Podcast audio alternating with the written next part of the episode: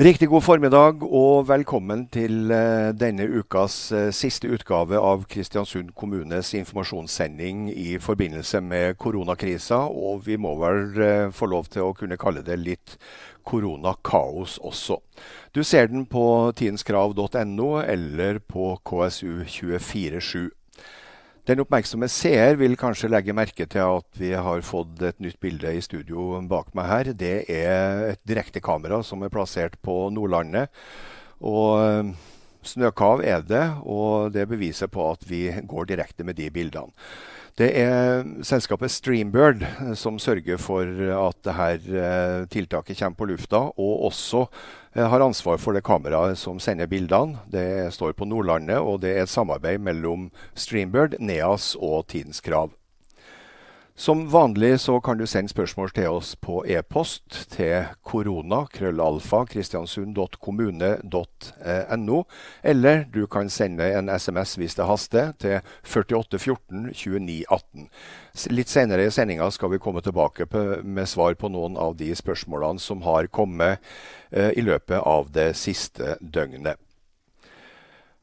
Det blir som vanlig en liten oppsummering av gårsdagen, viktige oppdateringer fra sentrale virksomheter og forhåpentligvis en eh, grundig informasjon både fra kommunen og ikke minst fra Nav.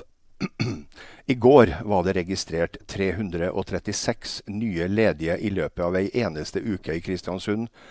Og jeg må si jeg er veldig spent på hva sjefen for Nav i Kristiansund, Ragnhild Fausa, kan fortelle om utviklinga det siste døgnet. I løpet av uh, sendinga får dere også høre litt fra Smøla-ordfører Svein Roksvåg og ordføreren i Tingvoll, Kristin Vågen. Nysjefen i eh, Kristiansund og Nordmøre Turistforening, Roar Halten, skal si litt om Turistforeninga sine hytter, og ikke minst om turmuligheter i lokalmiljøet i disse tider. Og vi skal også ta en prat med Frode Alnes, som på lik linje med andre artister må se at alle oppdrag forsvinner på et uh, øyeblikk. Ellers blir sendinga til mens vi går. Klaffer alt, så kan vi love mye informasjon og god nordmørsmusikk. Vi spiller bare musikk fra komponister fra Nordmøre eller artister fra Nordmøre, så lenge denne informasjonskanalen er oppe og går. Avinor melder om eh, sterkt redusert eh, tilbud på Kvernberget i dag. Det gjelder både flyruta og helikoptertrafikken. En oversikt viser at det i dag går eh, tre fly til Bergen i løpet av dagen, og et SAS-fly til Oslo i halv åtte-tida i kveld. Avinor ber alle om å følge med på Avinors hjemmesider for å holde seg oppdatert om utviklinga. Neas melder at det meste går som normalt, både på strømnettet og på internett. Men de melder også at uh, ne Neu, EU har fått Netflix til å begrense kvaliteten på video for å hindre at nettet i Europa bryter sammen. Men for Neas sin del vil ikke dette være noe problem. I går fikk eh, sykehuset i Kristiansund store mengder engangsutstyr som vil avhjelpe situasjonen der. Det betyr at eh, sykehuset kan eh, puste litt lettere. Og klinikksjef Åge Austheim han sier til oss at med gårsdagens gave så kan Kristiansund sykehus holde det gående uten problem, i alle fall til over påske. De fleste som blir smitta av eh, koronaviruset, opplever det ganske mildt, og det er ikke nødvendigvis behov for sykehusinnleggelse. Men dersom det skulle bli aktuelt, så har Kristiansund sykehus mulighet til å omorganisere både utstyr og personell, sånn at de har kapasitet til 13 respiratorpasienter hvis det skulle bli nødvendig. Og I tillegg er det i utgangspunktet plass til 15 sengepasienter. I går gikk eh, sykehuset ut med en oppfordring til frivillige om å melde seg, og det har eh, allerede meldt seg 55 til eh, tjeneste. Vi har engler i renholdsbransjen, i transport, i dagligvare og ikke minst i helsevesenet. Her er kristiansundsjenta Lynni Treekrem og drammenseren Jonas Fjell med 'Engler i sneen'. Eh, som vi har gjort hver eneste dag eh, i denne informasjonskanalen eh, denne uka, så starter vi med en generell oppdatering av hvordan situasjonen er i Kristiansund kommune. Rådmann Arne Ingebrigtsen, hvordan står det til? Jo, vi er på dag 53 av kommunens beredskap nå. Vi starta 27.1. Vi har fått forberedt oss godt, fått brukt tida godt. Vi har gjennomført 211 prøver. Vi har tre positive, 110 negative per i går kveld. Eh, ellers så er jo den avdelinga på Storheien helsehus eh, begynner jo å bli klar i forhold til å kunne ta over hvis sykehuset ikke har kapasitet. Da snakker vi om å flytte pasienter fra Storhaugen, og hvor skal de eventuelt ja. plasseres? Det her er jo en kamp om at, å få utnytta de respiratorene vi har eh, best mulig. Noen må ligge på oksygen, som ikke er i en kritisk tilstand ennå. og Der har vi jo stilt 70 plasser til disposisjon på Storhaugen helsehus. Um, og der er det jo oksygen i veggene. Du kan se på Storheim helsehus som et litt sånn sykehus light, egentlig. Mm. Uh, ellers så er vi jo godt uh, forberedt nå, egentlig. Smittevernfolkene oss er godt forberedt. Uh, prøvetakerne. Nå ønsker vi å øke kapasiteten til 100 om dagen. vi ligger nå på 33 ca. daglig. Det er jo eh, viktig for oss. Eh, nå har vi fått signaler på at eh, kontinuerlig prøvetaking kommer til å bli viktig i tida som kommer. Hvem er det da det blir tatt prøve av? Akkurat nå så er det fi... Altså nå er vi jo Det er jo helsepersonell først mm. og fremst, da, selvfølgelig. Og det er kommunelegen som har den komplette lista over det. Ja, okay. ja. Men kan det bli aktuelt for folk flest som kanskje føler seg litt snufsete, og som etterlyser prøvetaking? Kan de noen gang få tatt de prøvene? Når man har nok reagens i Norge og det er ganske langt ut i den situasjonen vi står i nå, så kan jo det bli aktuelt. Eh, men eh, vi lanserer jo nå en selvmeldingsportal, altså en eh, selvrapporteringsportal, som skal kunne gi oss litt innblikk i hvordan smitten brer seg, eller hvordan man mistenker at man er smitta i samfunnet rundt oss, sånn at vi kan komme oss litt i forkant av epidemien eller pandemien. Nå har vi fått beskjed fra sykehuset om at de har eh, muligheter til å ta imot 13 respiratorpasienter. Hvor mange respiratorer har man i kommunen? Eh, da må eh, tallene fra helseforetaket være oppdatert siden sist jeg hørte dem. Okay. Eh, de hadde fem pluss én og tre anestesiapparat. Så det blir jo da ni, som var det siste tallet jeg hørte. At de er kommet okay. opp i den kapasiteten, er jo strålende. Ja. Har kommunen sjøl noen respiratorer, eller? Det er utafor ja. vår eh, kontroll, skulle jeg til å si. Det er mm. samarbeid med sykehuset, ja, da går går ut ifra. Og det er ikke sikkert du har lyst til å svare, men jeg har veldig lyst til å stille spørsmålet. Eh, vi ser nå hvor viktig det er å ha et sykehus i nærheten. Eh, den situasjonen vi har nå, den jobben som gjøres på Kristiansund sykehus, kan det her ha noen betydning for Eh, sykehuset i Kristiansund i den situasjonen man er i med planlagt nytt eh, fellessykehus? Eh, det er jo vanskelig for administrasjonen å svare på et litt sånn politisk spørsmål, så jeg må jo tillate meg å komme med en personlig mening. Det ene er jo at man vil nok se forsinkelser i forhold til byggeprosjektet på Hjelset. Og det andre er jo at eh, når vi skal evaluere den krisen her, så vil man kanskje se med nye briller på hvor viktig det er å ha en eh, godt spredt og godt dimensjonert kapasitet. Eh, hvis man ruller i henhold til foretakets plan noen år frem i tid, så ville vi hatt en tredjedel av bemanninga her som vi har i dag. Og vi ser jo allerede at det er personellbehov på sykehuset i en sånn situasjon. Jeg ble litt beroliga av det svaret, fordi at eh, det sykehuset det er noe som eh, befolkninga er særdeles eh, opptatt av. Vi fikk, vi fikk tidligere opplyst at sykehuset, som i går gikk ut og ba om frivillige, de har fått 55. Mm. Kommunen har også gått og bedt om, ut og bedt om frivillige. Hvor mange har meldt seg til kommunen? Siste tallene jeg fikk, så var det over 100. Eh, det kan jo være de samme personene. Eh, nå er det jo viktig for oss i det offentlige å passe på at man ikke ender opp i en situasjon der våre egne tilgjengelige ressurser ikke settes inn først. Mm. For det vil jo ved en eventuell situasjon om man skulle komme dit at det offentlige også må inn i permitteringer, det er ingen som vet hvordan det går, så, så vil det jo være ganske lovstridig å sette inn frivillige i, i stillinger der du har egne ansatte. Eh, Men mm. er det litt sånn at både sykehuset og kommunen eh, konkurrerer litt om de samme folkene? Absolutt ikke. Altså, det her er jo en dugnad som mange har eh, tatt til orde for. Eh, det viktigste er at vi får de best kompetente av de frivillige på den riktige stedet. Om det er i kommunen eller om det er på sykehuset, det spiller ingen rolle. Er det andre ting du vet om som befolkninga i Kristiansund burde vite om nå i dag? Jeg, tror det er litt viktig å, å, å, tenke på dem som blir indirekte berørt. Eh, vi har eh, spesielt to grupper. Eh, nå har rus og psykiatri kartlagt eh, sine brukere.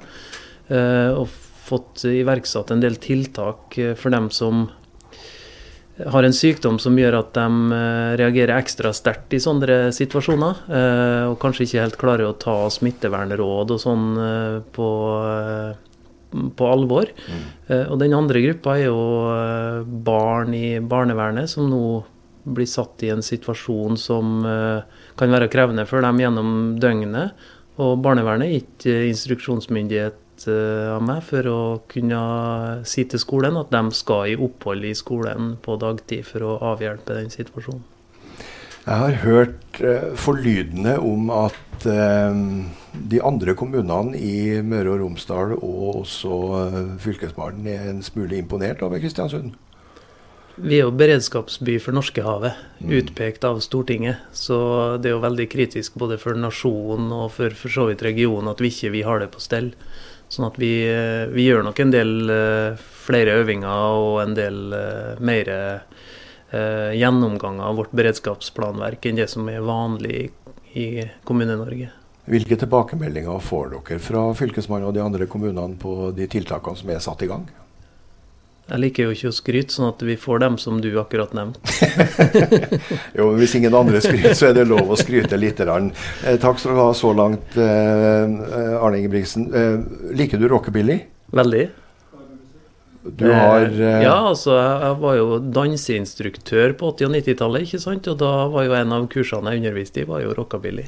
Det skulle vi gjerne ha lyst til å se, men det får bli en annen anledning. Rockabilly var i hvert fall uh, populært på 50-tallet. Toyny Knutsen er fra en helt annen tid, men det er godt planta i sjangeren. Her kommer Toyny and the Tomcats med 'True Love'. På landsbasis eh, blir det titusenvis av nye ledige og permitterte hver eneste dag. Og det er noen som hevder at vi i praksis allerede er på det samme ledighetsnivået som på 1930-tallet. Også lokalt har vi hørt om dramatiske tall for lokal ledighet. I går eh, var det til sammen registrert 336 nye på ei uke. Og Ragnhild Fausa, du er leder av Nav i Kristiansund. Eh, jeg har vært veldig spent på å høre hvordan står det til med mm. nye tilmeldte siste døgn? Ja, det var, det var 53 nye som meldte seg som ledige her i mm. Kristiansund. Så vi er nå totalt 389 stykker som har meldt seg ledig eh, siden den 13. mars. Har du noen gang vært borti tilsvarende? Nei, vi har aldri opplevd eh, en sånn tilstrømning til Nav som det vi opplever nå. Det er en helt spesiell situasjon for landet og for Nav. Ja, hvordan, hvordan, håndterer dere i Nav det her? Mm. Eh, vi håndterer det så langt eh, i Kristiansund. Det som eh, Vi må ta vare på våre egne ansatte også, slik at de har aller fleste av oss nå. Vi har bærebare løsninger, så de fleste sitter nå hjemme i, hos seg sjøl og håndterer sine porteføljer. Vi fordeler fortløpende de nytilmeldte mm. mellom de som driver med arbeidsretta brukeroppfølging slik at de blir tatt hånd om så snart de melder seg. Så gjør vi det vi skal i våre systemer. Passer på at de har registrert seg riktig, passer på at de får registrert CV-ene sine, og ser etter at de har søkt om dagpenger. Hvordan er det med saksbehandlingstida? Må man vente lenge? Ja, ja, Det er klart at uh, Nav har ikke mulighet til å kunne ta imot en så stor uh, andel søknader på kort tid, og så klare å holde oss innenfor de fristene som vi har på saksbehandlingstid. Men vi er i full gang. Uh, vi har hovedprioritering med inntektssikring. Slik at vi som ledere ute i de lokale kontorene blir utfordra på å avgi personell inn mot uh, Nav uh, sentralt, for at vi kan få flere som kan sitte og ta imot dagpenger. Jeg vet at det er flere hundre Nav-ansatte som nå blir omdisponert til å sitte og behandle søknader om dagpenger. Og Skulle det her eh, trekke ut i langdrag, så kan det være en mulighet å ta kontakt med, med, banken sin og høre om det er mulig å få noen midlertidige løsninger? Ja, her Regjeringa jobber på spreng både på å oppdatere våre Eh, vårt regelverk for å se på hvordan vi kan hjelpe i den helt spesielle situasjonen. Så for vår del så får vi nye, nytt og oppdatert regelverk nesten daglig nå. Mm. Det samme skjer også i forhold til det at, vi, at folk må henvende seg til banken og, og, ta, og gjøre de tingene som de kan før de eventuelt uh, blir aktuelt med f.eks. kommunale ytelser. da. Eh, og så vil nå folk få behandla sine søknader så snart som vi får gjort det. Da vil nå folk få på plass eh, f.eks. dagpenger for alle de som har rettigheter for det. da. Jeg kan jo se for meg at en eh, Nav-ansatt med hjemmekontor, tre barn med hjemmeskole, og i tillegg skal takle den servicefunksjonen som det er overfor alle dem som blir ramma av det her, det, det foresvever meg at det er, kan være litt kaotisk for Nav også. Ja, det er det. Eh, det er ikke bare enkelt den situasjonen vi sitter i nå, men jeg opplever at folk er veldig eh, positive. De alle gjør så godt de kan nå. Vi hjelper hverandre. Vi oppretter, vi bruker Teams til å samhandle for å svare hverandre på spørsmål. det er en veldig sånn Ansatte er veldig på eh, min opplevelse, og alle vil veldig gjerne få gjort så mye som mulig. Og alle gjør så godt de kan i den situasjonen vi står i nå. En ting er at det er 389 nye eh, på ei uke i Kristiansund. Har du noen oversikt over hvordan det står til i de andre nordmørskommunene? Ja, altså Vi samarbeider tett i, i nordmørskommunene. Eh, vi er hver dag eh, tilgjengelig for hverandre med et fellesmøte sammen med vår direktør Stein Veland, som oppdaterer alle eh, kommunene. Sånn at det som jeg vet er at I alle kommunene så blir det nå håndtert. Alle melder om at de klarer å ta av sine arbeidssøkere. Så er det litt ulikt hvor mange som har kommet i de ulike kommunene. Noen melder faktisk om at for enkelte bedrifter så eh, det var en sånn sak om det i Tidens Krav, der f.eks. på Smøla, der veldig mange nå etterspør gulrot. Så at det, mm. vi, får både, vi, får litt både godsaker og selvfølgelig aller fleste eh, handler om permittering, men det er også en del at vi ser at det er noen som trenger arbeidskraft. Så det, mm. det er litt av det vi prøver å imøtekomme også. Derfor vi oppfordrer veldig sterkt de som melder seg til å ta seg tida og fylle ut CV-ene sine. For det kan hende at det kan være andre som nå trenger den kompetansen som de sitter på. Sånn at det er viktig at de tar seg tida, selv om de kanskje tenker at dette blir kortvarig, at de tar seg tida til å oppdatere CV-ene sine på nav.no. Kristiansund 389 på, eh, 89 på ei uke. Altså det, fleste spør seg hvor skal dette ende? Mm. Det er bare ingen av oss som veit. Det som vi vet, tror, da, er at veldig mange av de som nå blir ledige, vil kunne komme tilbake igjen til sine arbeidsplasser når dette her er over. Eh, når det starta, så hadde vi en historisk god situasjon. Eh, jeg har akkurat eh, rapportert for årsrapport. og i desember så hadde vi nesten et historisk lav ledighet i Kristiansund. Det var veldig mange som mm. var i arbeid. Og Så vet vi at det vil ta tid før alle kommer tilbake igjen. Sånn at det blir viktig at vi helt fra starten av at ting begynner å endre seg. At vi så mange som mulig kan komme tilbake til sine opprinnelige arbeidsplasser. Så vil det helt sikkert ta tid før at uh, samfunnet er oppe og går som normalt igjen. Det er iallfall det de sier, de som har god greie på det. Vi snakker påskeferie om eh, ikke mange ukene, og det antydes jo at den situasjonen vi er i nå, den kan vare eh, både vår og sommer. Mm. Eh, vi planlegger nå for langt utover neste uke. Si. Vi lager planer nå både i forhold til ansatte, på hvordan vi skal forholde oss til det, og ser for oss eh, et litt lengre perspektiv. At, må, at det kan komme fortsatt ikke over enn det som kommer nå. Og så vil dette vare en stund. sånn at det vi planlegger iallfall for et lengre perspektiv. Tusen takk skal du ha, Ragnhild Fausa, som er leder i eh, Nav Kristiansund. Eh, man hører at man går ifra eh, ekstremt lave tall ved årsskiftet til ekstremt høye tall på kort tid. Kan det passe bra med Viggo Roksvåg? Alle trenger en venn. 2800 skoleelever fordelt på 137 skoleklasser har eh, den siste uka hatt eh, en helt spesiell eh, skolehverdag. Elevene har, de aller fleste har sittet hjemme, mens læreren har drevet undervisning på nett. Kristine Reitan, kommunalsjef etter ei uke med fjernundervisning. hvordan er situasjonen i kommunen? den er hektisk. veldig hektisk. Men det går utrolig bra. og det er en gjeng ute der som har svingt seg rundt som du ikke aner. Eh, så jeg er også så imponert over det som de har fått til. Og tilbakemeldingene er at eh, både lærere og elever syns faktisk at det her er litt spennende òg. Sjøl om de savner hverandre, da. Det skal vi få beviset på litt senere i sendinga, for eh, når vi er ferdige, så har vi avtalt med en elev som sitter hjemme med hjemmeundervisning, som skal fortelle hvordan han vedkommende opplever det. Er du litt kry over at det går såpass bra som det gjør? Nei, ikke litt kry. Jeg er veldig, veldig kry. Veldig kry. Det er altså en hyggelig tilbakemelding til alle dere i skoleverket som nå jobber intenst for å få det her til. Det største beviset på at uh, dugnadsånden lever som bare juling. Uh, har dere gjort noen erfaringer som gjør at det må endres nå i neste uke? Eh, det som ikke, ikke, store endringer, men, eh, men vi er faktisk nødt til å be lærerne om å jobbe litt mindre. Såpass, ja. ja de, eh, de, står så hardt på i det her. Og husk på at mange av de lærerne her de har òg sine barn hjem. Ja, ja. Uh, og er tilgjengelig for seg elevene sine nesten 24-7.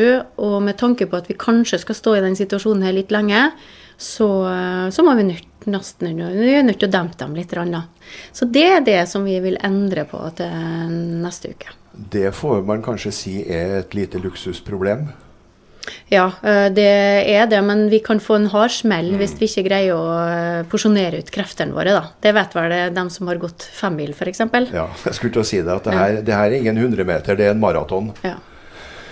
Eh, er det fortsatt det samme antallet som da får tilbud om barnehageplass og undervisning i skole?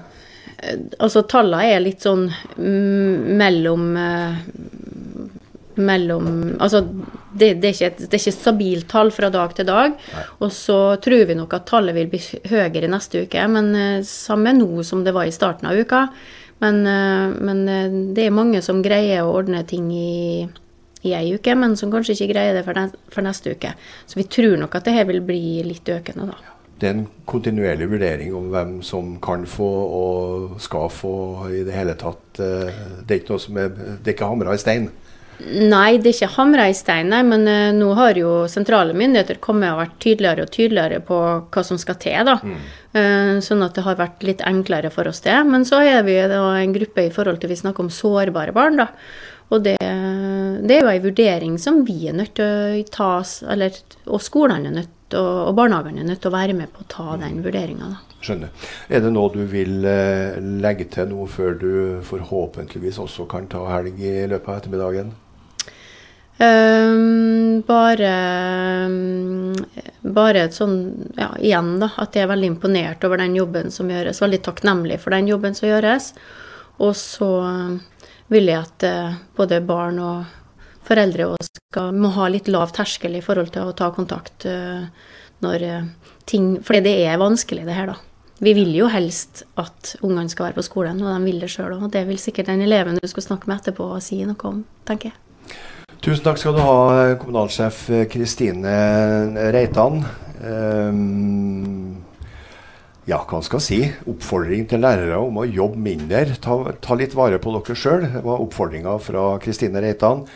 Eh, søstrene Toril og Lisa Nybrott er født og oppvokst i Harsa, nå bosatt på Hamar. De ga ut singelen 'Hjertet mitt' i eh, 2017. I går eh, snakka vi med en lærer som eh, driver fjernundervisning, og i dag har vi hatt, eh, nettopp hatt Kristine Reitan, som er kommunalsjef for oppvekst i Kristiansund kommune. Og nå har vi med oss en elev. Hei, Iver. Hallo. hvordan er det å ha hjemmeundervisning? Det er litt spennende, fordi det er veldig nytt for eh, alle elevene som eh, er i Norge, tror jeg. Og så eh, er det jo veldig annerledes fra skolen. At vi, vi, er jo alene, og vi har ikke så veldig mye um, Ja, det er, det er, ikke så mye undervisning gjennom uh, snakking og sånn. Det er mest uh, chatting med lærerne. Og så prater vi litt med venner og sånn, sånn at vi får til å samarbeide, da. Ja, og Hva holder du på med akkurat nå? Akkurat nå så uh, har jeg gjort uh, lekser. Hva har du holdt på med da? Jeg har gjort det i matteside. Og så har jeg vært ute og tatt noen bilder, fordi vi holder på med sånn eh, tallmønster. Ok. Hva syns du om å få undervisning hjemme på den måten her?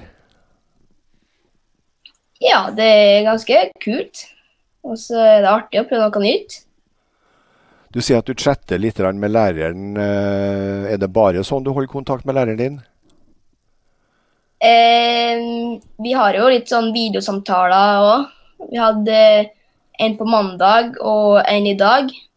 Ja. Og så sjekker de litt om eh, hvordan vi har klart leksene og sånn som vi har hatt hjem. Og ja, hvordan vi har det. Hvis du fikk velge mellom det å ha undervisning hjemme som du har nå, og gå på skolen, hva ville du velge da? Jeg ville ha valgt å vært på skolen. Hvorfor Fordi det? på skolen så får jeg um, Da får jeg vært med vennene mine. Og det er litt enklere å uh, Ja, vi får litt mer hjelp av lærerne, kanskje. Og så uh, Det er jo den normale hverdagen for oss, da, og det er litt sånn Ja, det, det er på en måte det som er best.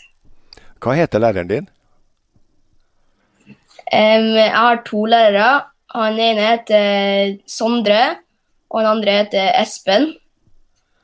Er det De er veldig snille. Ja vel, Ja, fint. ja. Hvordan holder du kontakt med vennene dine nå når det ikke er noe skole, og alle sammen mer eller mindre har blitt oppfordra til å holde seg inne og hjemme? Um, jeg har jo Snapchat, så jeg snakker ganske mye på Snapchat med dem. Og så spiller jeg på TV-en, og der kan vi snakke sammen gjennom uh, spillet, da. Er det noen begrensninger på dataspilltida hjem nå eh, når du er hjemme, eller er det like strengt som før? Det er akkurat samme som uh, før. Det, nå har vi jo litt mindre å gjøre òg, siden vi ikke har så mye lov ut. Um, så det er litt, litt mer spilling nå for tida, da. Bortsett fra spilling, hva gjør du til vanlig nå når du ikke har eh, skole hjemme? Nei, når, når du har skole hjemme, mener jeg. Når jeg har skole hjemme. Nei, Eh, altså, ja, hva, hva ja. gjør du nå når du, eh, når du har skole hjemme og, og du er ferdig med alt du skal gjøre, og så spiller du litt dataspill, gjør du noe mer? Ja, jeg er ofte ute på joggetur. Og så er jeg litt utafor og holder på med fotball. Og så eh, chatter jeg litt med vennene mine.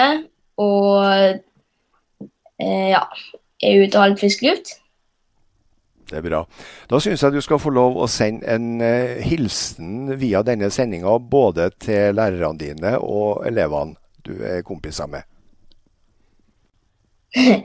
Ja, hallo, eh, vennene mine og lærere. Eh, hvordan har dere det? Takk skal du ha, Iver Jensås, som går i 7. klasse på Goma-skolen. En av de 2800 elevene i Kristiansund som har eh, hjemmeundervisning. Det er mange gode gitarister fra Kristiansund. En av de virkelige dyktige bluesartistene er Kristine Schjølberg, her med klassikeren 'Sweet Home Chicago' sammen med Lawrence Jones. Vi innannonserte Kristina Sjølberg som eh, gitarist fra Kristiansund, og det er jo for så vidt riktig, men eh, akkurat nå så er hun bosatt i Møst, og kommer opprinnelig fra Smøla. Og Svein Roksvåg, har du hørt noe av Kristina Sjølberg tidligere? Det har jeg gjort, vet du. Hun er kjent smølværing, òg, vet du. En av de gode gitaristene som uh, kommer fra distriktet her. Ordfører på Smøla, hvordan er situasjonen på den ytterste nøgne ø? Nei, Situasjonen her er noe, jeg ble litt snudd på hodet når vi eh, fikk denne eh, koronaepidemien over oss. kan du si. Men for Smøla sin del så har vi ikke per dags dato ingen smitta i kommunen. Eh, vi jobber aktivt hele tida for å begrense at vi får smitten til kommunen.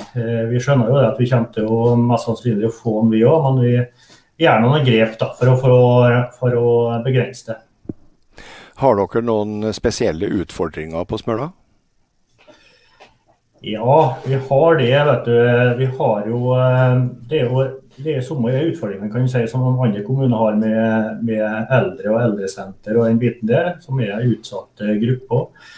Vi har eh, ganske mye fritidseiendommer og hytter på. Der er det jo en forskrift nå at vi eh, anbefaler at de ikke vil bruke i kommunene pga. at vi vil begrense eh, hvor mange personer som oppholder seg i kommunene.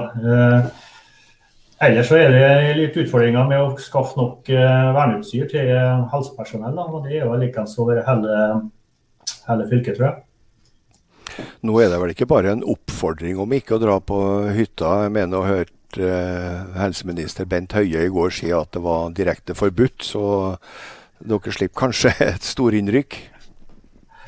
Ja, vi gjør det. og Vi gikk ut med det forrige uke òg. eh, og før selve vedtaket var vedtatt, at vi, eh, vi ville helst ikke ha turister her nå pga. den situasjonen som vi er oppe i. En kommune er, er, er, i stand til å ta vare på sine i en eh, krisesituasjon, men vi er ikke rusta til å ta det dobbelte av innbyggertallet, sånn som vi kan ha i enkelte tilfeller her på Smøla. Har du som ordfører noe oversikt over om det er mange på Smøla som uh, har mista arbeidet eller har blitt permittert den siste uka? Fulle oversikten har jeg ikke, men det er en del som er permittert. Ja, det er det. Eh, det er En del næringer går eh, mer eller mindre normalt. Vi er avhengig av å ha en god eh, kommunikasjon via transportører. kan du si, og Så lenge de er oppe og går, så fungerer det meste. Slik at vi får både varer inn og vi får varer ut. Smøla er jo en kommune som produserer mye mat, spesielt. da, Både innenfor landbruk og fiskeri og havbruk. Og Mesteparten av det skal gå via en transportør, og da er det via vei. Eh, så vi er avhengig av at det fungerer. Da. Og til nå så har det fungert, eh, fungert bra. De som eh, vil merke det på Smøla mest innenfor næring, det er jo det som er innenfor turistnæringa. Vi har jo en stor turistnæring på Smøla, og de vi tar langvarige, så er, det, da er jeg bekymra for dem, det må jeg si. Ja, det er vel faktisk en fare ja, unnskyld. Det er faktisk en fare for at hele sommersesong, sommersesongen 2020 går fløyten. Eh, midt i det hele, Roksvåg, så fikk vi i dag, vi som er glad i gulrot, og spesielt smøla-gulrota, et eh, en positivt opplegg. Det går så det griner. Ja da, alle vil ha eh. Alle som har smaka den, vil ha mer av den. og det, Nå er det åpna seg et større marked for eh, smølagulrota. Mesteparten av eh, har jo gått her i, til, i Midt-Norge, i Møre og Romsdal. Men nå går det biler på biler nedover på Østlandet, for eh, det greier de ikke å produsere nok nå. og Da åpner det seg et marked for smølagulrota. Og når de først har fått smake smølagulrota, da kommer de til å kjøpe henne videre framover òg. Det er jeg helt sikker på. Ja, Du må ikke sende så mye til Østlandet at vi her på Nordmøre blir fri for uh, smølagurota. Det er jo uh, en delikatesse. Er det andre saker av interesse du mener at en, uh, at en smølværing kunne ha nytte av å vite? Ja, Smøla kommune har tatt noen grep. Vi er alle kritiske personer i Smøla kommune nå. Der er det, vi har delt oss opp slik at vi ikke er utsette oss sjøl for smitte, slik at vi skal greie å holde drifta så lenge som Eller så, hele tida. Eh, det er viktig å holde hjula i gang nå. Eh, Sånn som for en politisk, kan du si, så holder vi møter nå på, på nettbasert. Jeg har sist i går et møte med formannskapet, bare et informasjonsmøte. Vi skal kjøre neste uke og skal vi kjøre ordinært formannskapsmøte på nett. og det så vi greier å få, få, ting til å fungere. Det gjør vi. Vi må bare omstille oss litt. Tusen takk skal du ha, ordfører Svein Roksvåg på Smøla. Det kan hende vi tar kontakt med deg litt senere, kanskje neste uke. Husker du skiløperen Sigurd Brøs fra Surndalen? Beste prestasjon hans var en tredjeplass i verdenscupen på 15 km fri i Conje i Italia i 1992. Brøs kan mer enn å håndtere ski og staver. Her er han og rockebandet Carl Barks. Sigurd Brøsj både på vokal, synt og gitar. This is Norway. Vi går fra Smøla via Surndalen og til Tingvoll. Og hvis det er noen som har hørt at jeg har sagt Kristin Vågen, så er det mulig. Det er mye armer og bein her. Men du heter selvfølgelig Ingrid Vågen, ordfører i Tingvoll. Hvordan står det til det står bra til, eh, tross alt. Vi står jo i en kjøle utfordrende situasjon. Eh, men vi tror vi har kontroll på Tingvoll foreløpig, så gjør vi de tiltakene vi kan for å begrense smitte så langt. Alle sliter med smittevernutstyr og holder styr på barnehager og skoler. Har dere satt i gang noen spesielle tiltak? Nei, Vi følger jo de rådene som kommer fra sentrale myndigheter. og så I tillegg så tar vi noen forhåndsregler med smittevernutstyr. Så har vi spurt bedrifter på Tingvoll om de kan bistå oss med utstyr. Og så har vi jo tilsyn med barnehager og skoler. Det er ikke så mange unger som har behov for det, men eh, noen er det, så de gjør de tiltakene de kan. Hvordan er det å være ordfører eh, i en sånn situasjon? Nei, det er jo helt ubegripelig, egentlig. Det, jeg tror egentlig ikke vi aner hva vi står i. Eh, og det kan jo egentlig være like greit. Vi tar, må ta dag for dag og time for time. Vi må ta det som det kommer, rett og slett. For det, det er ingen som har vært med på noe slikt tidligere i Norge. Og det Ja, vi må bare lære mens vi, mens vi blir kjent med situasjonen. Og så må vi bli gode med hverandre, skulle jeg si, og dra paralleller. Hvordan reagerer Tingvoll-gjellingene på situasjonen som eh, er også der? Jeg opplever jo at eh, de tar til fornuft. Eh, de fleste tar de, de reglene de skal gjøre. Folk på hyttene har forfra fra hyttene sine stort sett. og På butikken så er folk fornuftige og holder avstand og vasker hendene sine. og jeg opplever egentlig at de er ganske fornuftige. Men eh, klart det er vel en del som er bekymra og redd, og det, det, har jeg stor forståelse for. Hvordan eh, møter dere folk som gir uttrykk for både bekymring og kanskje direkte redsel? Eh, fastlegene er i dialog med alle de pasientene som de har oppfølging med til vanlig, eh, for å følge opp dem. Og så har vi helsesykepleierne som eh, tar seg av unger som er vant til å ha faste rutiner med skole og barnehager. Som kommer i en helt annen situasjon nå. Det er en del unge sårbare som trenger oppfølging, kanskje litt ekstra oppfølging denne tida her fra helsesykepleierne. Så jeg opplever at de er på. Og Tingvoll er jo en relativt stor i utstrekning, men relativt få, så det er kanskje ganske enkelt å holde oversikt over de fleste innbyggerne?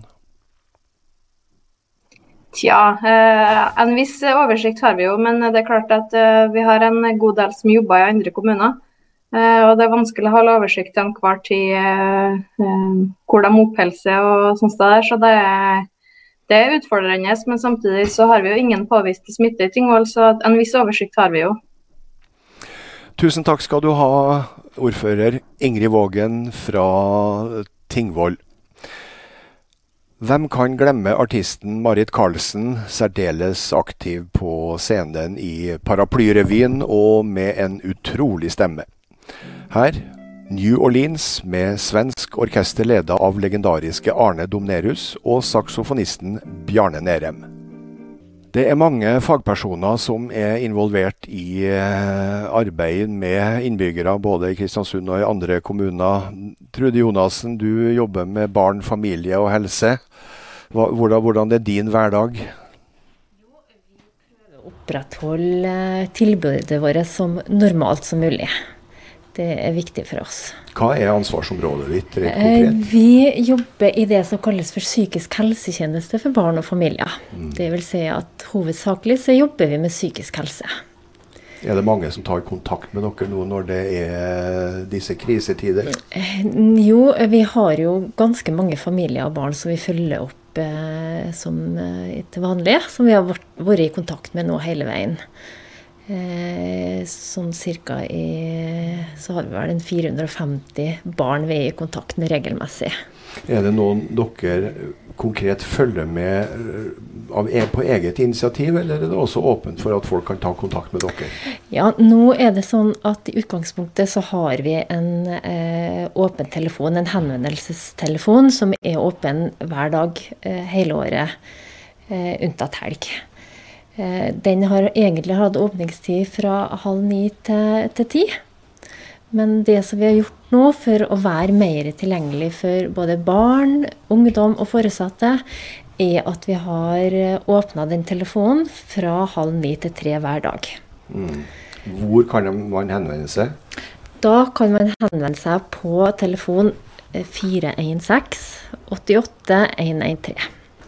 416 88 113 hvis ja. det er noen som har behov for å, å, ta en prat. Ja, for det er jo sånn at er, nå er det jo mange barn som eh, Alle barn er jo hjem. Uh, ungdommer er også hjem, og foreldre. Og klart de har fått en veldig ny hverdag. Uh, og det å være også obs på at barn har mange spørsmål. Barn kan få økt engstelse urolighet for at hva er det som skjer, hvordan er rutinene våre hjemme. Så det å få litt hjelp også til, til, foreldre å kunne snakke om det, det er kjempeviktig. Ja, Hvordan reagerer barn flest som dere har kontakt med? Nei, Jeg må jo virkelig gi ros til både barnehager og skolene, ikke minst lærerne som er på nett og snakker med elevene sine hver dag. Eh, kjempeviktig det å ha vanlige, vanlige rutiner. Eh, men klart at det som ofte barn får med seg, er jo det at vi voksne blir mer utrygge. Mm. At vi snakker mer i telefon, følger med på nyhetssending. Så, så, det å være oppmerksom på at hvis vi voksne blir utrygge, så speiles det også over på barna. Også, vi hadde en psykolog tidligere i uka, mm. og, og, vi ble enige om at det er veldig viktig det, altså, å snakke med ungene, for at ja. de får med seg mer enn vi tror. Ja, barna får med seg det meste. Og, og, i dag så er jo også de fleste barna veldig dyktige til å skaffe seg informasjon. Mm. De er på media, de får med seg ting som både foregår i nyhetene. Men så må jeg si at det finnes jo veldig flott informasjon også til barn. Så det å søke opp på nett, eh, egne nyhetssendinger for barn, informasjon om koronavirus Det er jo veldig mange barn som både er redd for å bli syk sjøl, eller at foreldre skal bli syke og dø. Så, um, så, det å få faktainformasjon, det er kjempeviktig. Så det er jo mange nå som er i en situasjon der man eh, rett og slett er, er bortimot i en sånn påtvunget familiesituasjon 24 timer ja. i døgnet. Merker dere at det er, kan være litt vanskelig? Nå er det kanskje litt sånn nytt for de fleste ennå. Men, men til lengre tida går, så klart til til mer utfordringer kan man oppleve at det blir. Mm. Så, så det, hvordan er dere rusta til å takle det, hvis det skulle bli en økning i ja, rett og slett husbråk, eh, familietrøbbel? Vi, vi, eh, tar imot alle henvendelser på telefon, og vi hjelper også videre hvis det er behov for å snakke med noen andre eller få annen type konsultasjon også. Mm. Vi kartlegger alle familier som, som ringer inn hos oss. Hva har de behov for? Hva ønsker de? Og er vi den rette, eller skal man henvise også til andre?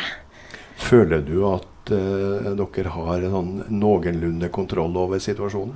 Ja, det føler jeg.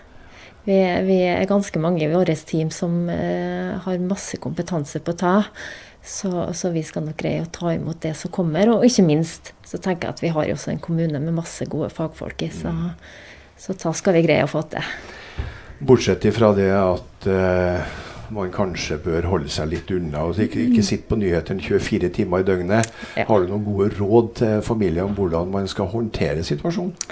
Ja, jeg tenker Det viktigste rådene er jo det å, å lage seg en god eh, dagsplan.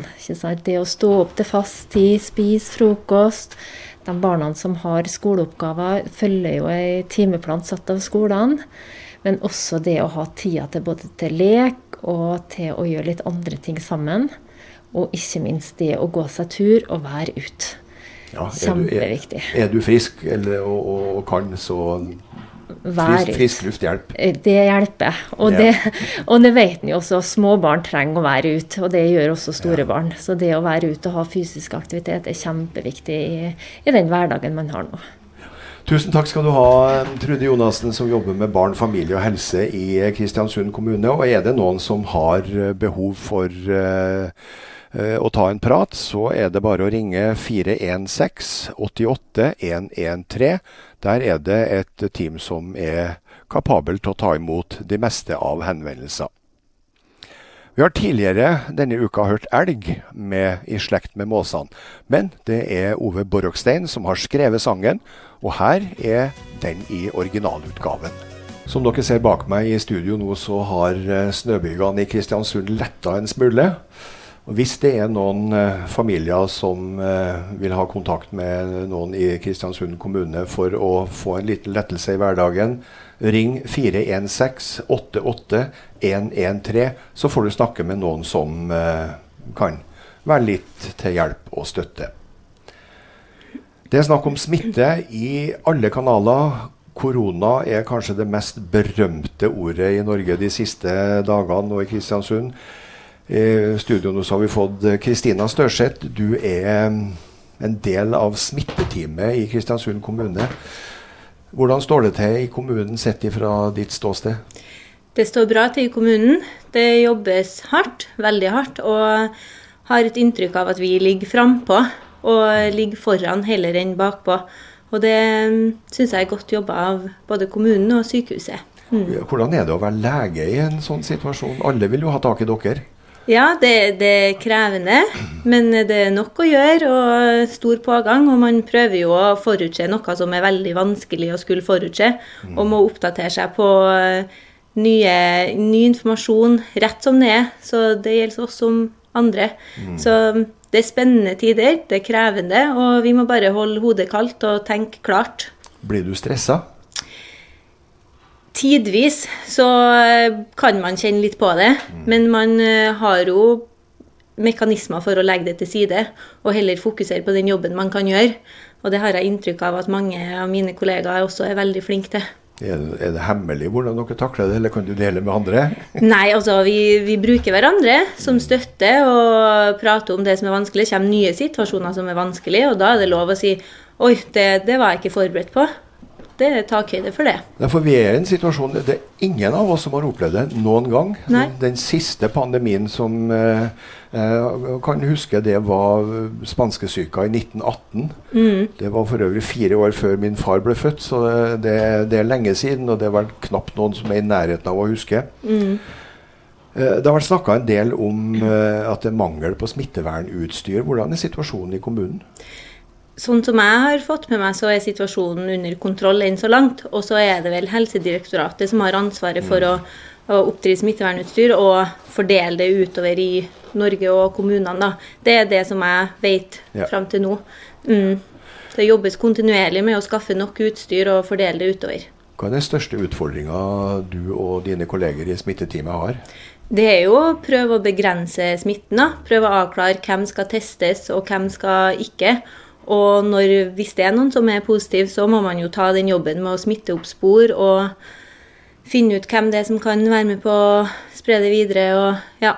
Ja, Det kan ikke være noe enkel oppgave. Vi har hørt tidligere her at, eh, at kommunen til og med hadde funnet ut eh, hvem var det som satt på de eh, tre nærmeste seteradene til en som ble ja. påvist koronasmitta i ettertid. Ja, det er litt så det, av jobb det er detektivarbeid på høyt nivå. ja. Så det jobbes hardt med det. Mm. Og det gjelder jo hver enkelt også. Ja. I, i, I, en sånn situasjon der dere skal etterspore mm. folk som har vært med fly, hvordan får dere til det? Man må jo snakke med den det gjelder. Ja. Og da er det jo nesten en fordel om man har hatt kontakt med minst mulig folk, da. Det gjør det jo betraktelig enklere. Så må man bare ta det derfra og prøve å høre og sjekke opp det man kan sjekke opp. Er det da flyselskapene som hjelper dere med hvem som har sittet i nærheten? Det er jeg litt usikker på, men det Nei. vil jeg tro. Ja. Mm. Eh, er det annet i forbindelse med ditt eh, arbeid du mener det er viktig at folk får med seg? Jeg mener jo at det er viktig at folk får med seg at eh, man må være nøye med hånd- og hostehygiene, som har blitt poengtert utallige ganger. Og så må man bare prøve å begrense kontakten sin. Og ikke foreta seg Ikke fær på kjøpesenter om det ikke er høyst nødvendig. Ikke ta den ekstra turen til butikken om du ikke må. At vi tar alle forhåndsregler og jobber som et team sammen. Alle innbyggerne. Mm. En dugnad fra alle? Ja, absolutt. En dugnad fra alle. Det gjør også arbeidet vårt lettere. Mm. Eh, Vi har tidligere i sendingene våre tatt imot eh, spørsmål fra seere og lyttere. Eh, er det noen som lurer på noe, så kan dere sende til eh, korona, krøllalfa, kristiansund.kommune.no. Eller hvis det haster, en SMS til 4814 2918. Eh, I går svarte vi på noen spørsmål, og i dag har vi fått noen spørsmål. Mm. Det er godt å få en lege igjen i studio til å svare, for vi har hatt, eh, vi har hatt pensjonerte lærere og informasjons- eh, og kommunikasjonssjefer til å, å svare. Mm. Um, vi har noen vi har fått inn uh, her nå. Det er en som spør hvor lang tid tar det før man får svar på en koronaprøve? I dag så tar det omkring én til tre dager før man får svar på den prøven. Prøvene sendes til et laboratorium i Molde, der det er høyt press.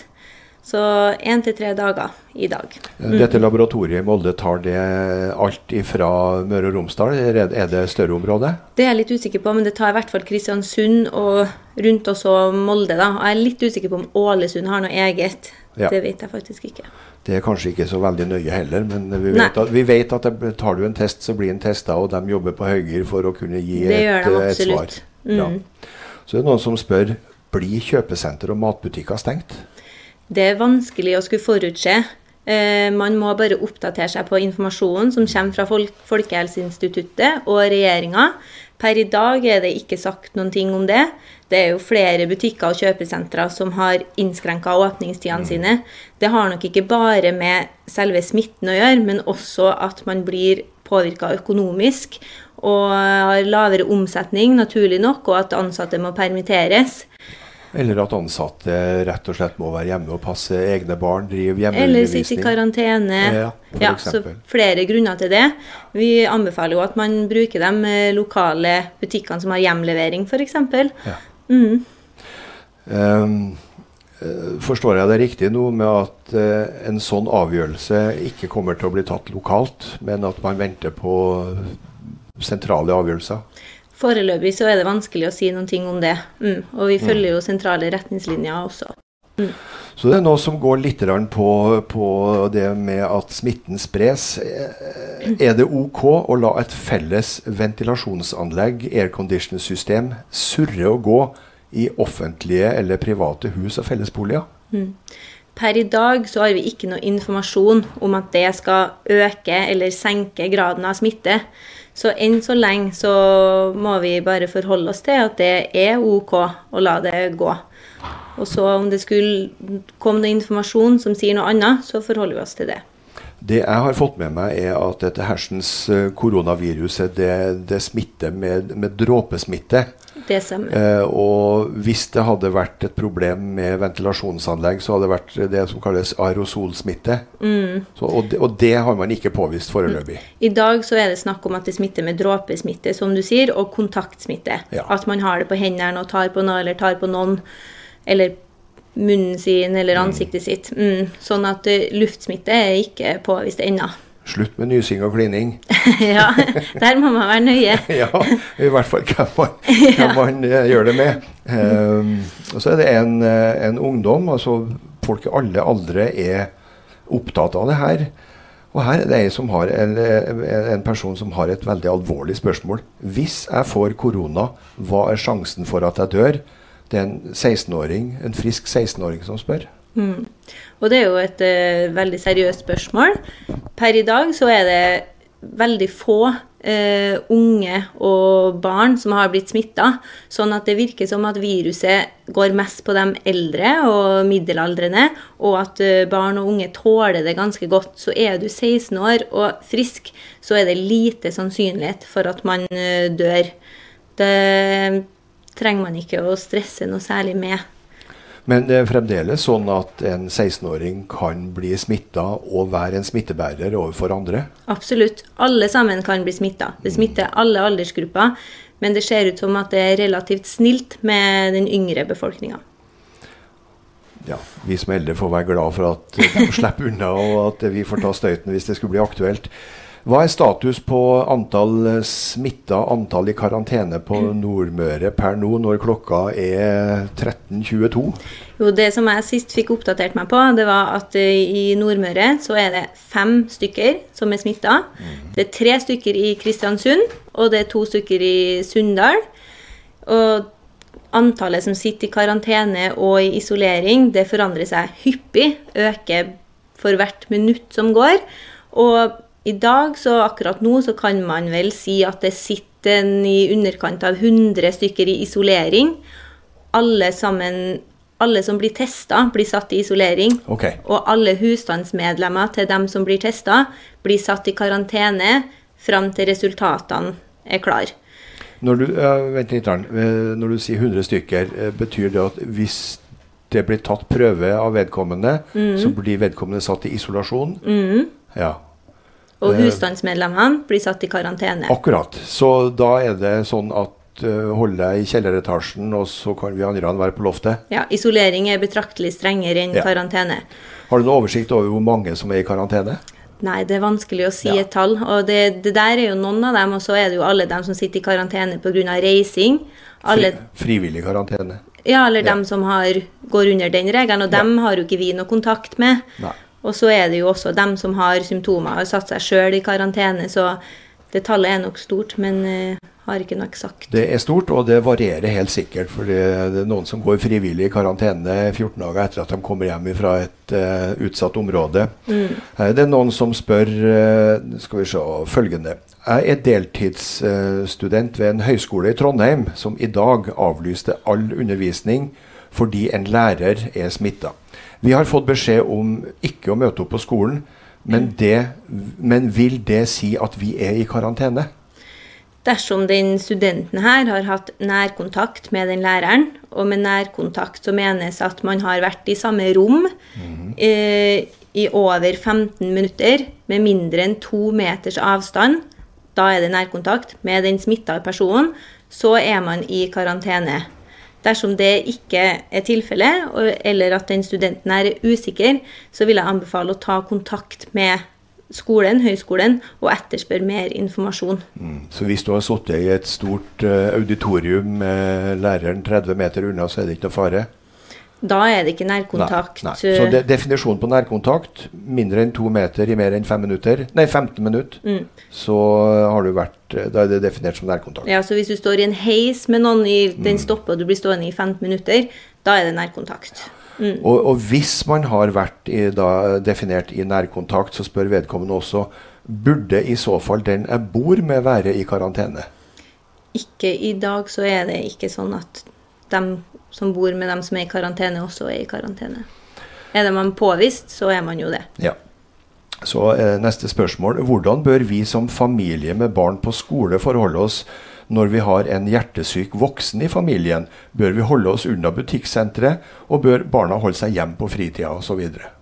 Dersom man har noen med hjertesykdom, så vil man jo si at den personen er litt ekstra utsatt i risikogruppa, og da anbefaler vi å ta ekstra hensyn til det og ekstra tiltak. Og da hadde ikke da vil vi anbefale at man begrenser kontakten utenfor dem som bor sammen, så mye som overhodet mulig, og er ekstra streng med hygiene. Mm. Da tar vi et siste spørsmål. Hvor utsatt er en baby ca. ti måneder gammel for et slikt virus? Mm. Som nevnt tidligere, så er jo barn og unge eh, virker som at tåler det relativt godt. Alle kan smittes, Mm, men det vi vet om viruset i dag, da virker som at uh, barn tåler det godt. Mm. Ja, da, Du setter meg inn på sporet. også. Hvor mye vet man egentlig om det viruset?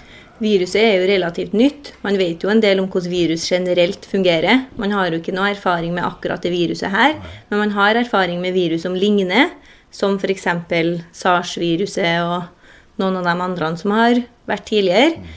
Eh, vi oppdaterer oss på informasjon. Vi vet mer og mer ettersom hver dag som går, og vi får jo vite mer fra Kina og Italia hvordan situasjonen utvikler seg der, og da lærer vi hver dag noe nytt. Og mm, da vil vi jo også endre hvordan vi gjør ting når vi får mer informasjon. Er det noe du vil legge til før du går tilbake til jobben din? Ikke noe annet enn at folk må være nøye med hygienen i disse tider. Og stå og ha en eh, god dugnadsånd. Og det er vi jo flinke til i Norge. Tusen takk skal du ha, Kristina Størseth. Du er lege i smitteteamet. Eh, det kan hende vi ringer til deg litt senere i neste uke. Ja. Takk skal du ha. Um, kystfolket. Vi er vel alle kystfolk, vi som bor på Nordmøre. Uh, de spiller akustisk folkrock, miksa med roots, bluegrass og norske folketoner i ei diger bacalaogryte på nordmørsk vis. Vi blir med dem til topps. Her hjemme har vi hatt snøbyger, og vi har snøbyger, som dere ser på bildet bak meg. Det skulle egentlig vært et uh, bilde av uh, Piren og Kaibakken, men det er forsvunnet i snøbygene. Det er krise, og det er til dels kaos her hjemme. Ken Alvin Jensen i Spania, hvordan er det hos deg? Nei, det akkurat i dag og denne uka her så er det ganske grått uh, her og uten regn, og det er 17 grader. Men uh, Hvor i Spania befinner du deg? Torrevieja, Alicante-området det som enkelte nordmenninger kaller for Tærvikjen. Tærvikja, ja. ja. Så, det er krise og kaos her hos oss eh, hjemme, Ken Alvin, men eh, det er ikke noe spesielt enklere å være i Spania i disse koronatider? Nei, eh, i Spania er det jo stengt alt utenom matbutikker og apotek og de mest nødvendigste. Eh, Tobakksforretningene er åpne. ja, hvordan arter Men, hverdagen eh, seg for en nordmøring i Spania med såpass strenge restriksjoner? Nei, jeg syns det er helt greit. Jeg, jeg, jeg syns det er veldig greit. Eh, jeg er sjelden ut. Og hvis det vises bak meg her, så ser jeg at det er kø på supermarkedet. Eh, med vakter. Men eh, de er ganske flinke å dele ut uh, antibac både til å tørke vognene og, og slippe inn én og én. Uh, dessuten, bil er maks to personer, helst én, og da skal du ha et ærend eller at du har kjøreseddel til arbeid. Ja, jeg har en datter som bor i Frankrike, og de er nødt til å ha en sånn egenerklæring når de skal ut. Så er det faktisk sånn i Spania også at du må dokumentere at du har noe ut å gjøre?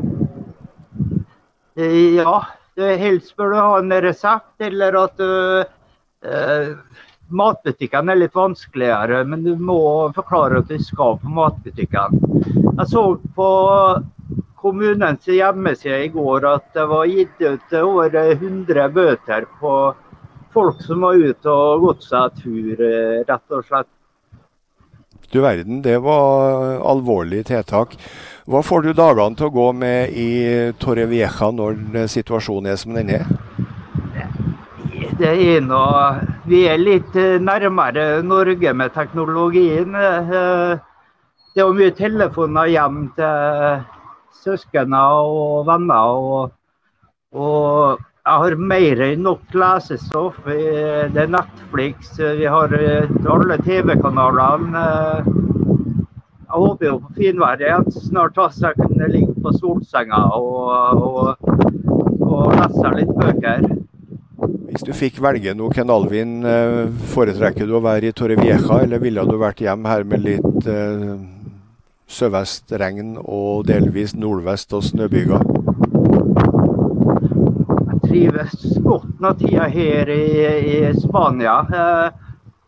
Sånn som alle værforandringene hjemme gjør at jeg får en god del smerter. Og her skiftes det ikke så mye. og, og sånn sett helsemessig så har jeg bedre her. Er det noen du vil hilse til mens du har sjansen på kommunal informasjonssending? Jeg må nå hilse til alle venner og familie og, og, og si at jeg har det veldig bra. Tusen takk skal du ha, Ken Alvin Jensen, eh, kristiansunder, eh, delvis bosatt i Torrevieja i Spania. Surndalingen Toril Mo sang seg inn i norske hjem med seier i den norske finalen i Stjerner i sikte i 1997, og med en tredjeplass i den europeiske finalen i 1998. Da sang hun Céline Dions 'All By Myself'. Her imidlertid med eh, 'Det er gøtt' å være surdaling. Roar Halten han eh, var tidligere en eh, kjent NRK-stemme. Eh, han skifta nylig jobb og er nytilsatt leder i Kristiansund og Nordmøre Turistforening. Og Roar Halten, hvor i all verden er du hen nå? Nå sitter jeg i gapahukene oppe med Dalabrekka og koser meg. Har du ikke kontor? jo, men eh, nå er jeg så heldig da, at jeg har fått kontor ute i naturen. Så her sitter jeg og koser meg. Onkel Alvin Jensen han kan si hva han vil. Han kan være så mye han vil i Torjevika, men det her er Ta indrefileten, vet du. Hallo.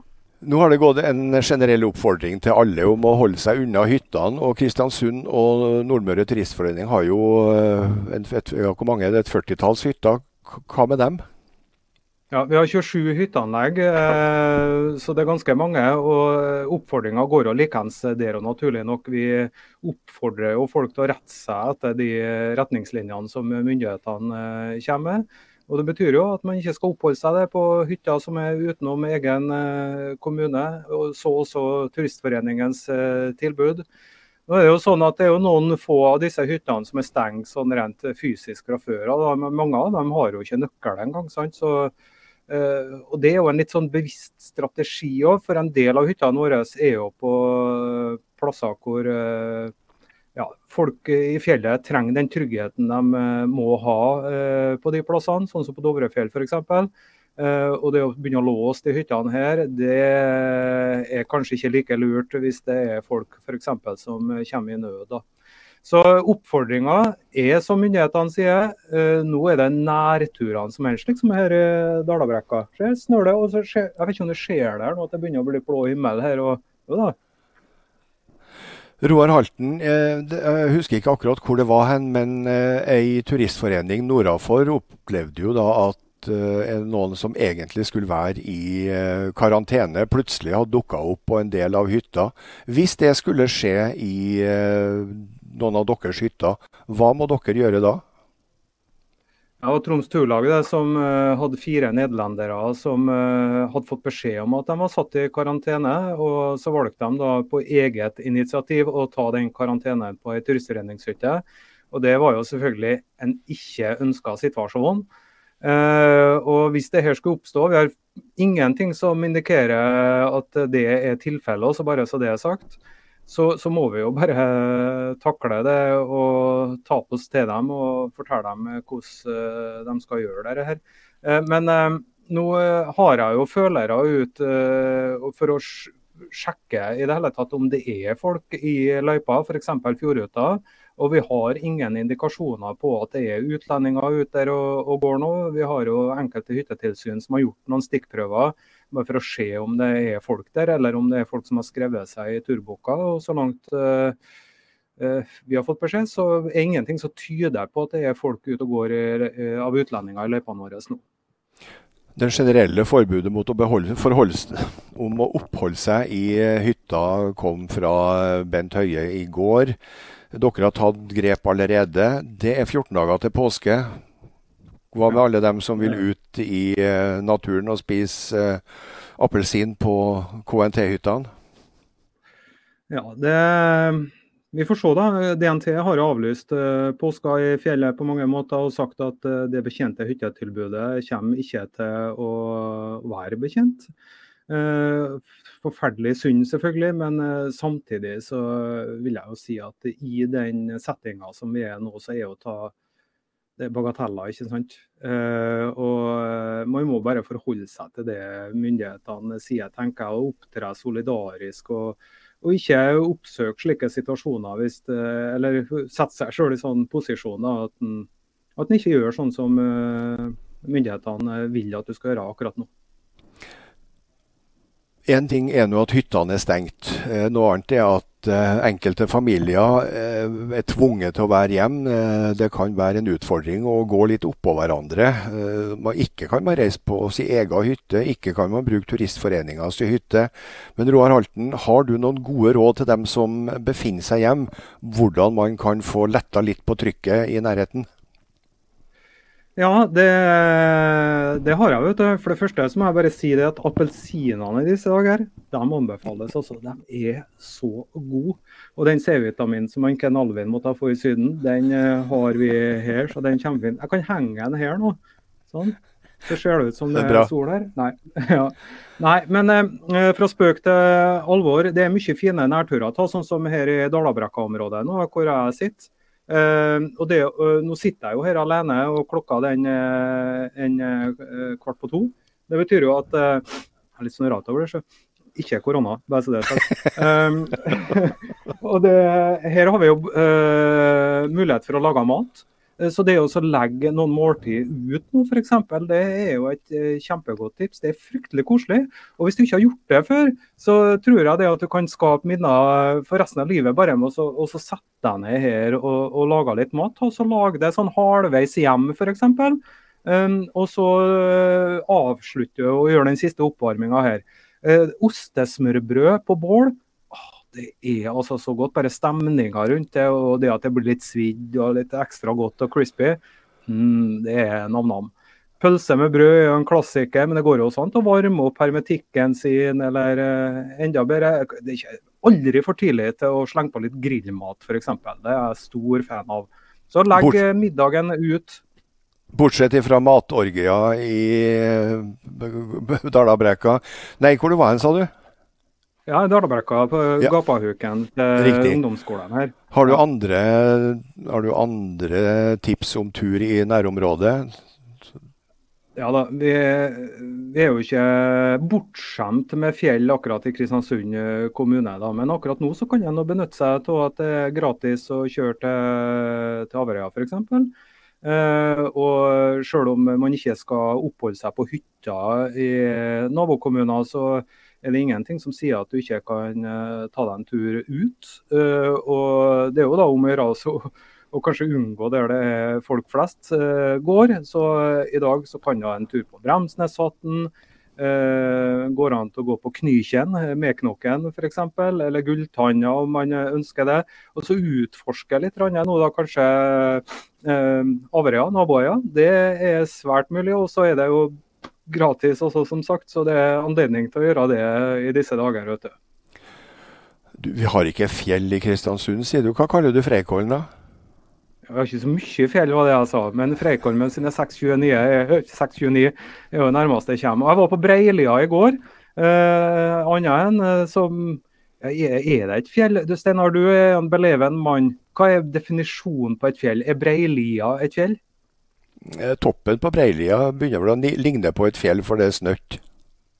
Ja, ikke sant. Så uh, der var mye folk. Uh, parkeringsplassen var full sånn i en uh, firetida går. Og vet du hva jeg syns er så kjekt å se? det er jo det at ungdommen, de som vanligvis er på fotballtrening, håndballtrening, friidrettstrening nå, og får jo ikke gjort det selvfølgelig, de er ute og går tur. For det var mye sånn 14-15-åringer som var ute og gikk på Breilia i går. og Det syns jeg er koselig. Kanskje de også oppdager det at uh, det faktisk går an til å finne uh, både trening og kos og trivsel ute i naturen òg. Tusen takk skal du ha, Roar Halten, som uh, leder Kristiansund og Nordmøre turistforening. Og for egen del så kan jeg legge til at for den som da ikke absolutt vil klatre høyt til værs, så er det bra med turstier på Frei med utgangspunkt Prestmyra. Det er tre kilometer med eh, lysløype, så man til og med kan gå tur på kveldstid. Og det er mange kilometer som er tilrettelagt for at man kan eh, ta seg en spasertur eh, i friluft, sjøl om eh, man skulle holde seg hjem. Går du ut alene, er frisk, ta deg en tur ut. Her er Jan Dalen med mønstra på livstid. I nyhetene i dag eh, morges så eh, fikk vi høre via eh, Dagsnytt på NRK at fagorganisasjonene merker en enorm pågang fra medlemmer, fra folk som gjerne vil være medlemmer. Det var nasjonalt. Stein Kristiansen, du er til vanlig rådgiver i handel og kontor, men en, eh, har lang erfaring innenfor fagbevegelsen. Er du overraska over Unnskyld. Eh, hvordan er situasjonen lokalt? Har dere merka noe pågang?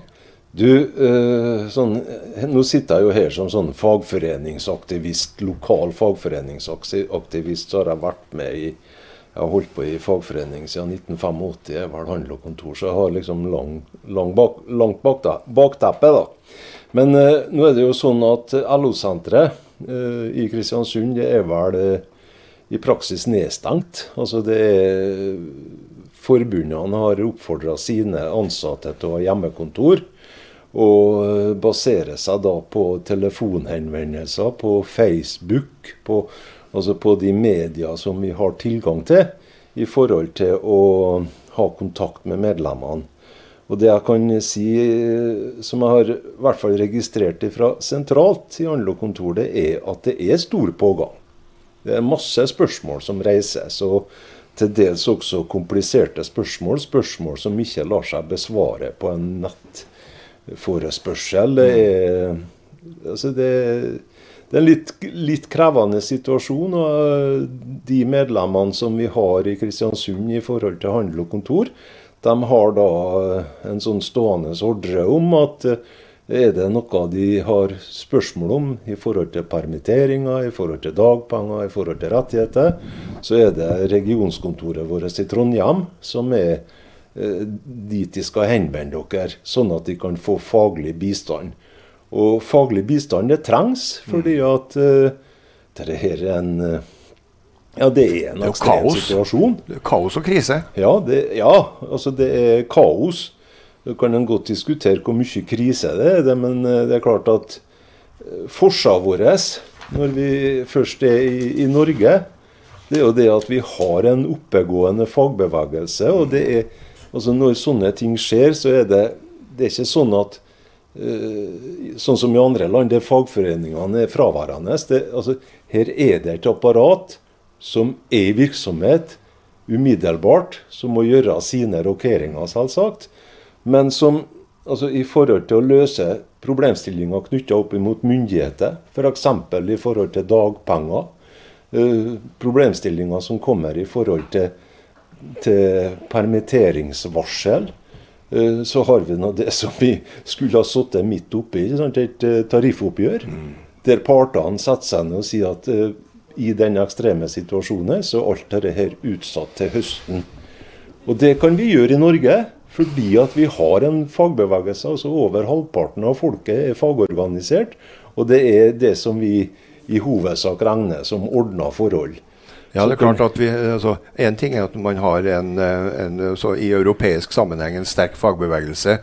Uh, men altså, det trepartssamarbeidet som har styrt den butikken her nå i Norge siden 30-tallet, med fag, ja. fagforeninger, myndigheter og arbeidsgivere altså Uansett hvordan man snur og vender på det, uh, det funker. Uh, mer, ja, Det har i hvert fall så avgjort ja. sine positive sider. Absolutt. Og men, det men, fungerer bra nå. Ja. Hva er reaksjonen din nå på at uh, den siste uka så har det kommet tusenvis av nye medlemmer i, uh, i fagforeninger, altså ber om å bli medlem av fagforeninga nå, når vi er midt inne i en krisesituasjon? Det er ikke overraskende i det hele tatt. Fordi at, eh, at til daglig når du er på jobb, så reflekterer vel, er vel få som sitter og reflekterer over hva vi trenger fagforeningene til. Uh, og så kommer situasjonen der behovet kommer tett innpå deg. Så tenker jeg at åh, ja, nå, nå må jeg virkelig organisere meg. Er det for seint? eh, altså Når det gjelder juridisk bistand, så har forbundene ganske strikte regler i forhold til saker som dukker opp av juridisk karakter, fordi at det koster. Mm. Og hele prinsippet som vi bygger på, er jo solidaritet. altså det er medlemmene som eh, betaler til det her, og vi står kollektivt eh, bak hverandre.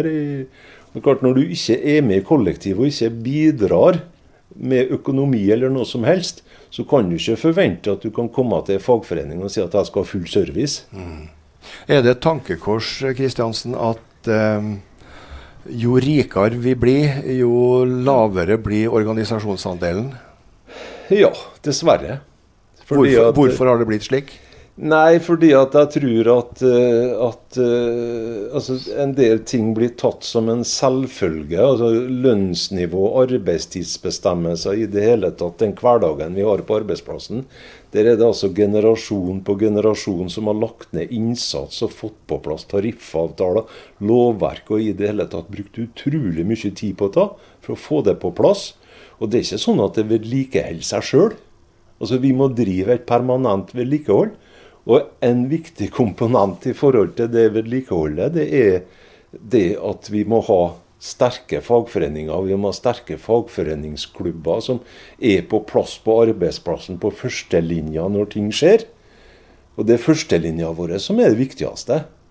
Svekkes førstelinja, altså færre medlemmer, færre innflytelse, ikke tillitsvalgt, ikke tariffavtale, ja, så er det sånn at rettighetene krymper. altså. Mm. Nå er det greit nok du sier det at eh, fagforening og fagbevegelsen kan stille opp med, med juridisk bistand og bistand for øvrig. Eh, vi hørte nettopp lederen for Nav i Kristiansund opplyse at på ei uke så har det kommet 389 nye enten helt ledige eller permitterte i Kristiansund. Ja. Hvordan kan uh, en lokal fagforening støtte opp om, uh, om dem som blir ramma? For det her blir effekt og, og, konsekvenser for mange enkeltpersoner og helt familier. Helt klart. Nei, altså For dem som har tariffavtale, og som har, uh, som har de bestemmelsene når det gjelder permittering f.eks., så er det altså helt klare regler i avtaleverket hvordan permittering skal settes i gang. Og her er det regulert. Altså Det skal settes skriftlig på papiret. Det skal være orden på det. Så det er klart at vi har ikke mulighet til å, å gjøre noe i forhold til eh, altså stoppe permitteringer. For er det ikke penger til drift, så er det ikke penger til drift. Kan ikke være en eh, moralsk støtte? Ja, hvis det er sånn at eh, virksomheter velger å sette seg utover avtaleverket, så kan eh, fagforbundene bidra med å gå inn og, og, og si fra at, eh, at, her må de faen i meg holde dere i skinnet. Altså. Hva med på et personlig plan? Det som gjøres, det er jo sånn som jeg må si, for handel og kontor sitt vedkommende, eh, det er at for dem som blir permittert, så er det Eh, Bl.a. bestemmelser knytta opp imot at du får redusert kontingenten din. Du får eh, Altså, noe må betales, altså den forsikringskontingenten den må betales. Men det legges til rette i forhold til lavere kontingentinnbetaling. Det legges til rette for at du har en direkte kontakt med, med saksbehandlere. I den grad vi selvfølgelig rekker over det. Og da er det sånn Muligheten for oss for å samle medlemmene i en sånn situasjon, den er jo ikke, for den er jo avskåret. Nei, men det er jo mange som eh, det, det, kommer jo som mange, på mange som et sjokk. altså Plutselig over natta så er du permittert. Eh, det kan jo være noen som bare rett og slett har behov for å slå av en prat og få, få litt sånn mental, eh, mental støtte. Og De har da den muligheten at de eh, kan ta kontakt med oss på nett, og de kan ta kontakt med oss på regionskontorene. og I den grad at de trenger noe mer, så prøver vi så godt vi kan. Men det er klart at det her med krisehåndtering i den dimensjonen, det er liksom ikke faget vårt. Faget vårt er arbeidstakers rettigheter. Det er klart det at De aller fleste har jo havna i en helt uforklarlig og uforståelig situasjon. og Det er jo grunnen til at vi sitter her og prøver å lage en informasjonskanal for kommunen. For å, om mulig å prøve å bidra til å, å formidle litt eh, nødvendig informasjon. Ja. Tusen takk skal du ha, Stein Kristiansen. Han kalte seg sjøl fagforeningsaktivist, eh, og det har han holdt på med i mange år. eh, som registrerer det at på landsbasis så blir det stadig nye medlemmer i fagforeningene. I fjor kom Surndalsgruppa Perikom ut med en uh, ny singel som kalt 'Med de han i mi'. Og sannelig er det ikke Tidens Kravs journalist Lisa Botteli Flostrand som synger sammen med Perikom. Både lokale, regionale og nasjonale artister, frilansere, musikere generelt opplevde at uh, levebrødet forsvant over natta. Frode Alnes, du sitter og koser deg med gitaren din. Uh, hvilken, hvilken dur spiller du i nå? Du, jeg, oppdaga at Perikon fra Surnadal spiller i B-dur country, og det er veldig uvanlig. Men ja. nå er de vel litt uvanlige inni der, så det var veldig fint, forresten.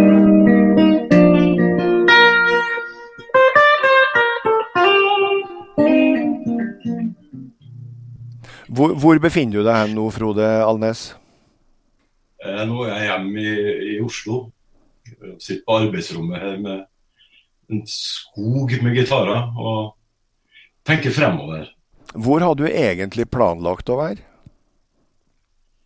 Nei, jeg, jeg, var jo egentlig på vei til hytta da, på Kanstrøm, men uh, det fikk jeg jo ikke lov til. Og, men jeg har det veldig fint, jeg og kona mi her, så vi, vi, vi går turer hver dag òg. Men jeg hadde jo tenkt å sitte på hytta og jobbe litt med nye prosjekter og gå på Skarven og hundene og møte ordføreren på Hvalfjellet, hvor vi møtes av og til. Vi bruker liksom fjellene rundt der, men det får bli senere.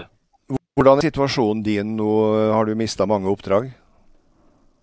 Ja, det er jo voldsomt. Eh, det er liksom På en dag så forsvant det jo ja, masse oppdrag. Alt ble jo avlyst, og vi vet jo ikke hvor lenge dette kommer til å vare. Så det er bare å tenke positivt og prøve å, å bidra på sin måte. og nå er det jo litt sånn nettkonserter som er i vinden. og Jeg skal kanskje ha en konsert nå med Ole Paus og Anita Skorgan og noen til eh, om, om, et par uker. Da. Men det er ikke så mye inntekter der, da. Men jeg klarer meg.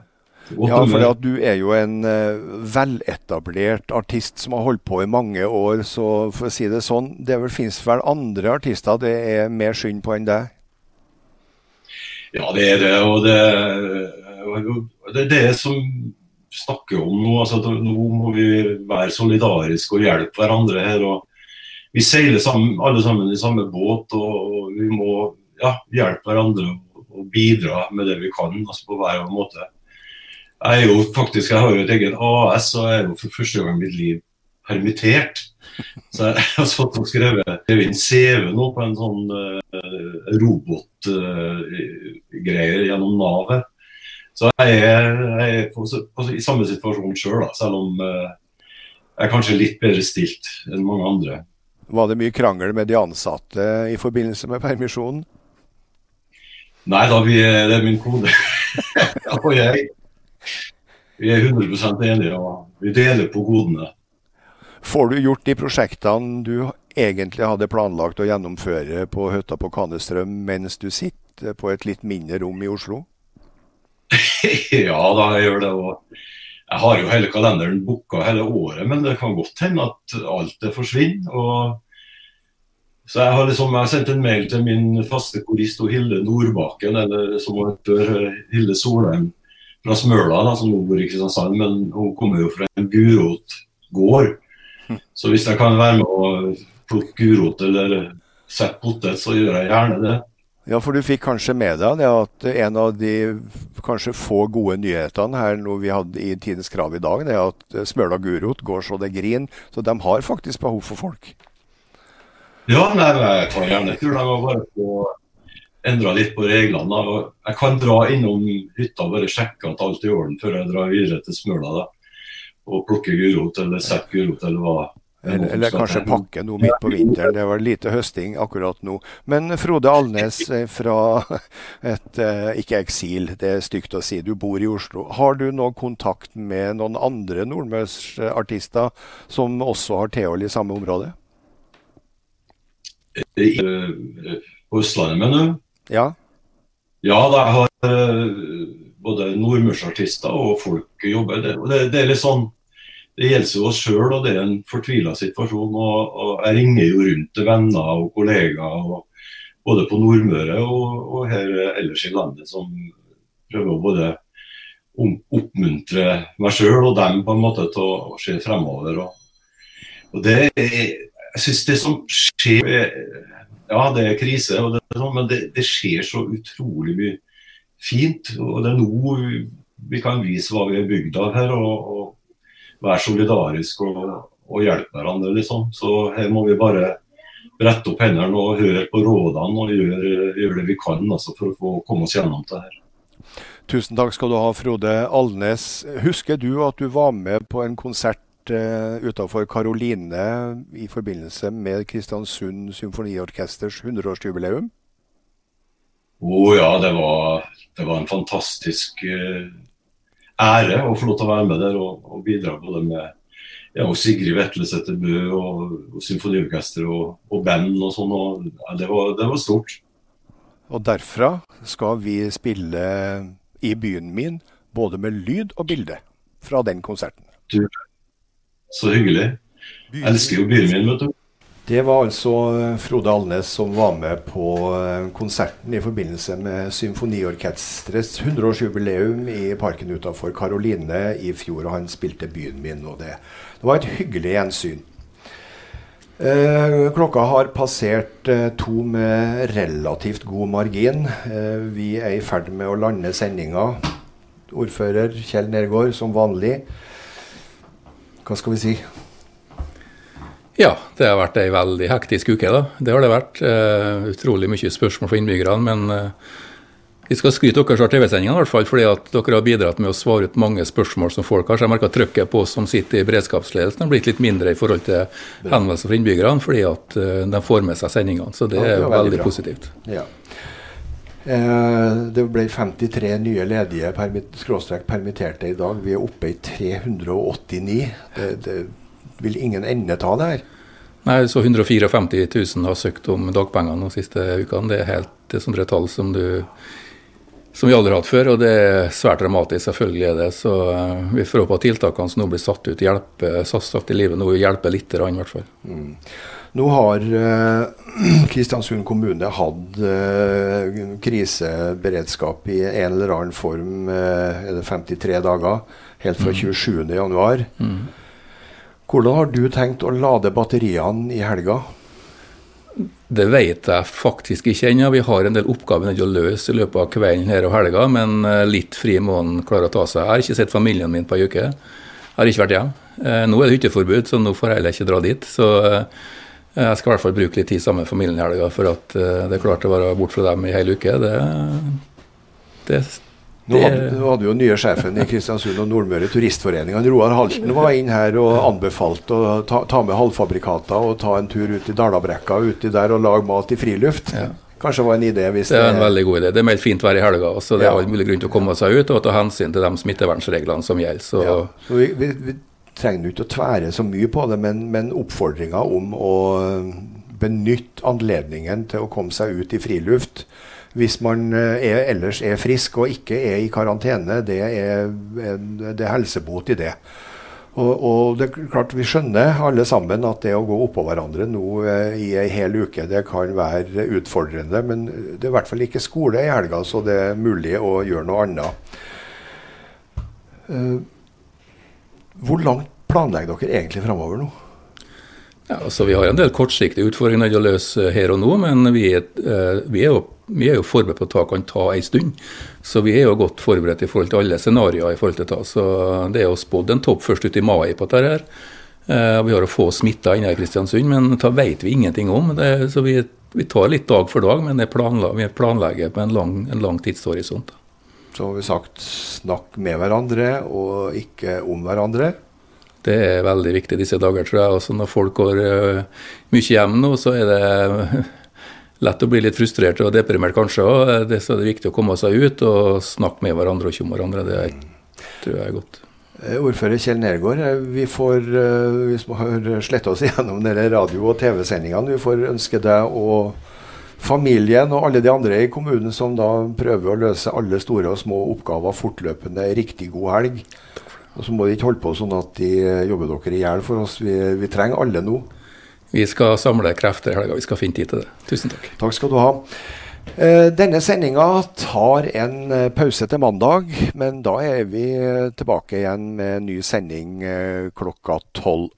Denne ukas sendinger er laga av Jan Øyvind Jensen, Svein Junge i Streambird, kommunikasjonssjef Tore Lyngvær i Kristiansund kommune, Siri Hollingsæter Stene og Steinar Hoftaniska Høgsve, som etter fattig evne har forsøkt å binde det hele sammen i studio. Vi minner om at eh, det er mulig å ta kontakt med oss hvis dere har spørsmål på korona.krøllalfa.kristiansund.kommune.no. Eller det er også mulig å Nei, kanskje ikke i løpet av helga. Da sender dere ikke SMS. Men en liten oppfordring til dere som kanskje syns det blir litt tungt. Eh, de som jobber med barn og familie og helse, de har en vakttelefon som er åpen på dagtid.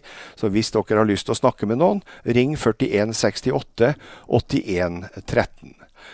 Ta nå for all del eh, vare på hverandre. Ta en telefon hvis det er noen du vet som sitter alene, og tilby hjelp hvis du kan. Som i går avslutter vi sendinga med en rolig melodi til ettertanke og refleksjon. Vi syns den passer så godt at vi kommer til å bruke Vita Lux med Frode Alnes som avslutning neste sendingene også. Ha ei så god helg som mulig, og tusen takk for oss.